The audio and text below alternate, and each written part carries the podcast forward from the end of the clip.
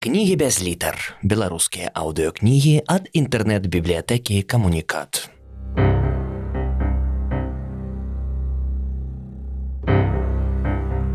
Адам Глобус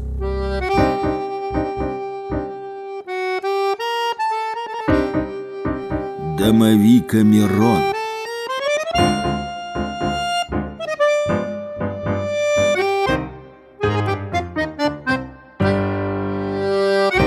Раздел 48.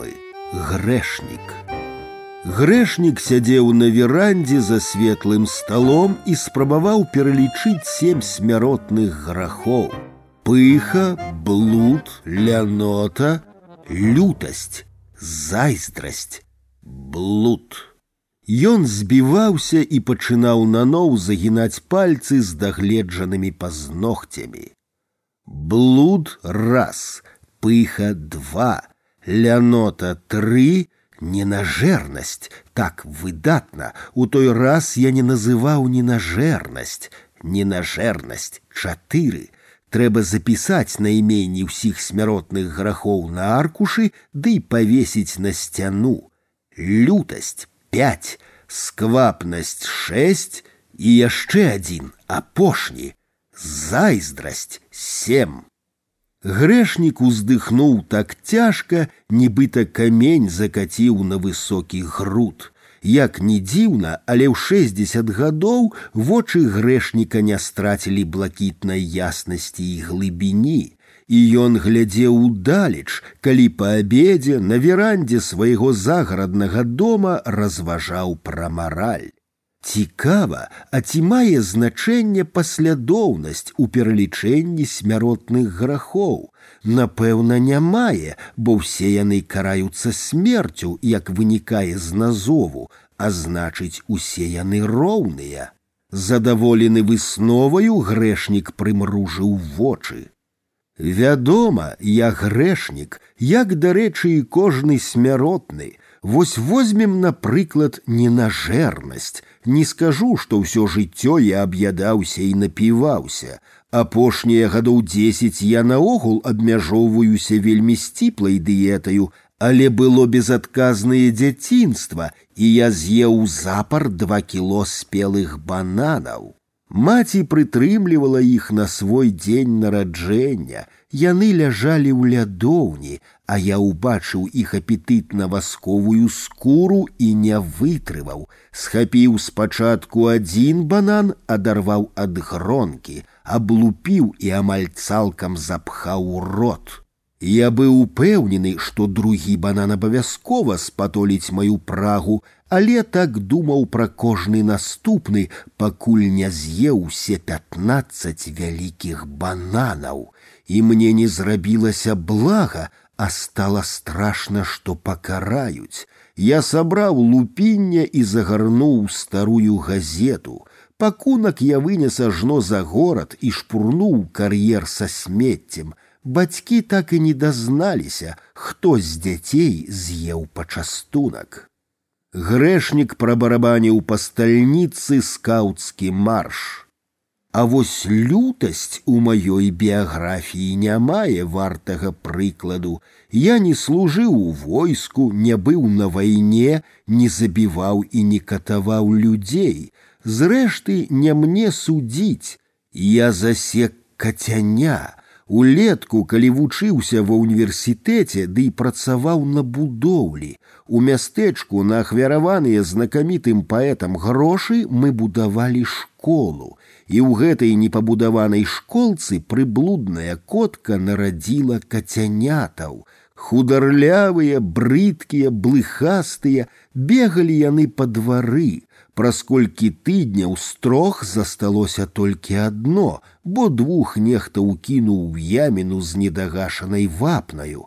Аднаго дня я паклаў на стол у двары свой бутэрброд і пайшоў апаласнуць руки, а калі вярнуўся, дык убачыў, як пад лаваю кацяня грызе мой хлеб з мясам. Я схапіў шуфель і адсек кацяняці галаву, закапаў кацяня там жа ў двары разам з недаедзеным бутэрбродам.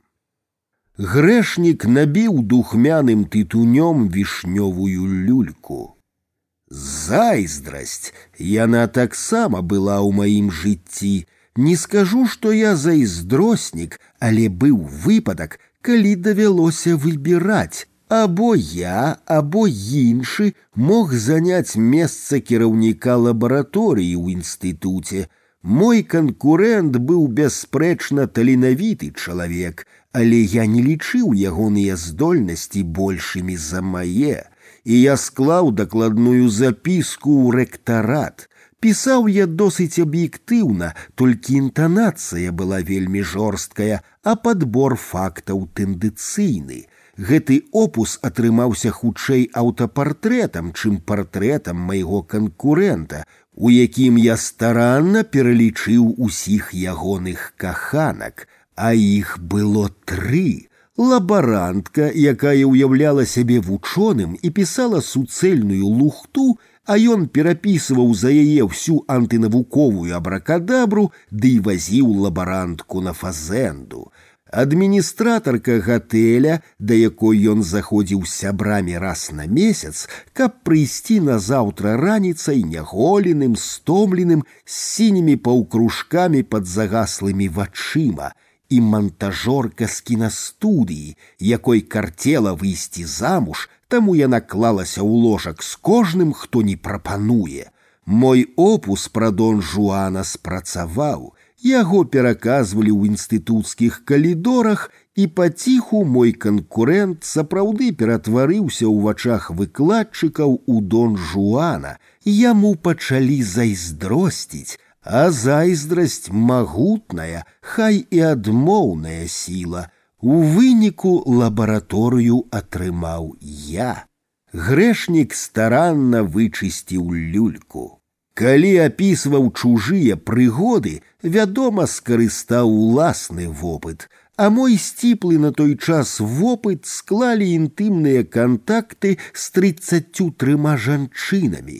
Няшмат, я так лічу, але і дастаткова, каб аздобіць выдуманае пераканаўчымі дэталямі. Мой блуд саслужыў такі службу, Я ўзяў нататнік, дзе занатоўваў уражанне ад жанчын, выбраў самыя, што ні на ёсць яркія і перапісаў іх. Замест лабаранткі я ўзяў сваю каханку Ачэ, якая прасіла мяне перад блізкасцю галіць яе пад пахамі і вакол похвы, а таксама вырываць валаскі, што вырасталі вакол мускоў. У ачэ захоўвалася цэлая калекцыя лёзаў, пэнзлікаў, крэмаў для галення, духоў і адэкалонаў. Пакуль распраналася, яна сядала на канапу, уздымала і разводзіла сцёгны. Я ўзбіваў цнатліва белы мыльны шум. Ачэ эгаістычна наракла акт гульнёю ў цырульню. Праз некалькі гульняў я пакінуў ачэ, бо яе мысок над вагінаю пачаў асацыіравацца ў мяне з мужчынскай шчакою, такой чыста выгаленаю блакітнай, а я пры ўсіх грахах яшчэ і натурал, не ўспрымаю бісексуальнасці.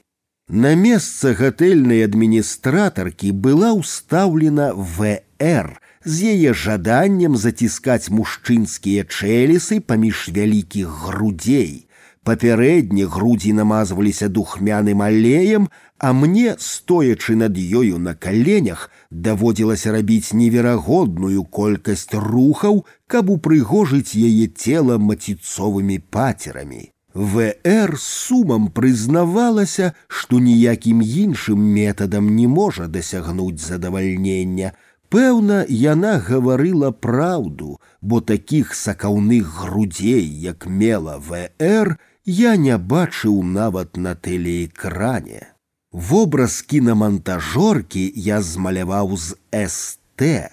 У параўнанні з папярэднімі вакханкамі яна выстаўляла досыць сціплыя патрабаванні. СТ любіла ваду, даводзілася кахацца ў ваннай пад душам, але з гэтага трывіяльнага факта я выцягнуў максімум ненармальнасці – Аднойчы з душа незнарок быў зачэплены кран, пасыпаўся жывы кіпень. Я хуценька закрыў кран, але было позна. Пяшчотна-белая скура СТ змяніла афарбоўку. На грудях, жываце і сцёгнах ружовымі плямінамі прамаляваліся апёкі. Некалькі з іх нават ператварыліся ў пухіры. Эстэ смяялася і казала, што зусім не чуе болю, што ёй нават прыемна вострае, ні з чым не параўнальнае пачуццё. І мы працягнулі занятак гвалтоўна перарваны кіпенем. А калі я выпадкова правёў рукою па паленай скуры, дык яна скруцілася на целе, як тонкая вільготная папера. СТ адно мацней абняла мяне. Пэўны мазахізм каханкі вымагаў ад мяне садысцкіх схільнасцяў, а я іх не меў, мы разышліся. Грэшнік згатаваў сабе кубачак кавы з мёдам і часнаком. Калі ўжо згадваць сквапнасць, дык ледзь не кожны мой учынак можна разглядаць праз гэты грэх, Я, да прыкладу, ніколі не плаціў жанчынам. У маладосці я наадварот не саромеўся браць у іх грошы. Нават дробныя падарункі і кветкі я не прыносіў каханкам, а калі і замаўляў абед ці каньяк у бары ці рэстарацыі, дык толькі з разлікам, што выпітае ды з'едзенае паспрыяе гульняму ложку. У твар мне казалі ашчадны, а за вочы сквапны, я не крыўдаваў. Грэшнік апаласнуў кубачак з-пад кавы. Лянота зусім не грэх, і тым больш незразумела, чаму яе залічваюць у смяротныя грахі, яшчэ і кажуць, хто рана ўстае, таму Бог дае. Я сплю по 10-12 гадзінаў, кладуся позна, устаю ў гадзіну дня. Мне падабаецца ляжаць у ложку, не прымаю і такіх вось развагаў з папрокамі. Ты мог бы зрабіць больш, ты мог бы зрабіць лепш. Наогул усе адкрыцці чалавек робіць дзякуючы ляноце. Ён лянуецца хадзіць, бегаць, насіць, цягаць і вынаходзіць кола. Менавіта лянотнік вынайшаў кола, трэба ставіць помнікі ляноце, а не працаўнікам. Упэўнены вынаходнік, ён і ёсць лянотнік. Грэшнік наліў сабе стопку гарэлкі. Пыха, поўнае непаразуменне, калі ты не блуднік, не лянотнік, не сквапнік, не зайздроснік, не п'яніца і не нажэра, не злыдзень, Дык ты самаўпэўнены ганарысты, фанаберысты, напышлівы жахлівы грэшнік. Так, так, і ўсе смяротныя грахі замыкаюцца, дзякуючы пысе у зачараванае кола. Грэшнік ударыў кулаком у сцяну, і ў гэты момант са сцяны выйшаў белы анёл грэшнае чалавечае сэрца сціснулася і перастала біцца. Анёл разгарнуў крылы і ўзняўся ў чыстае неба. Thank you.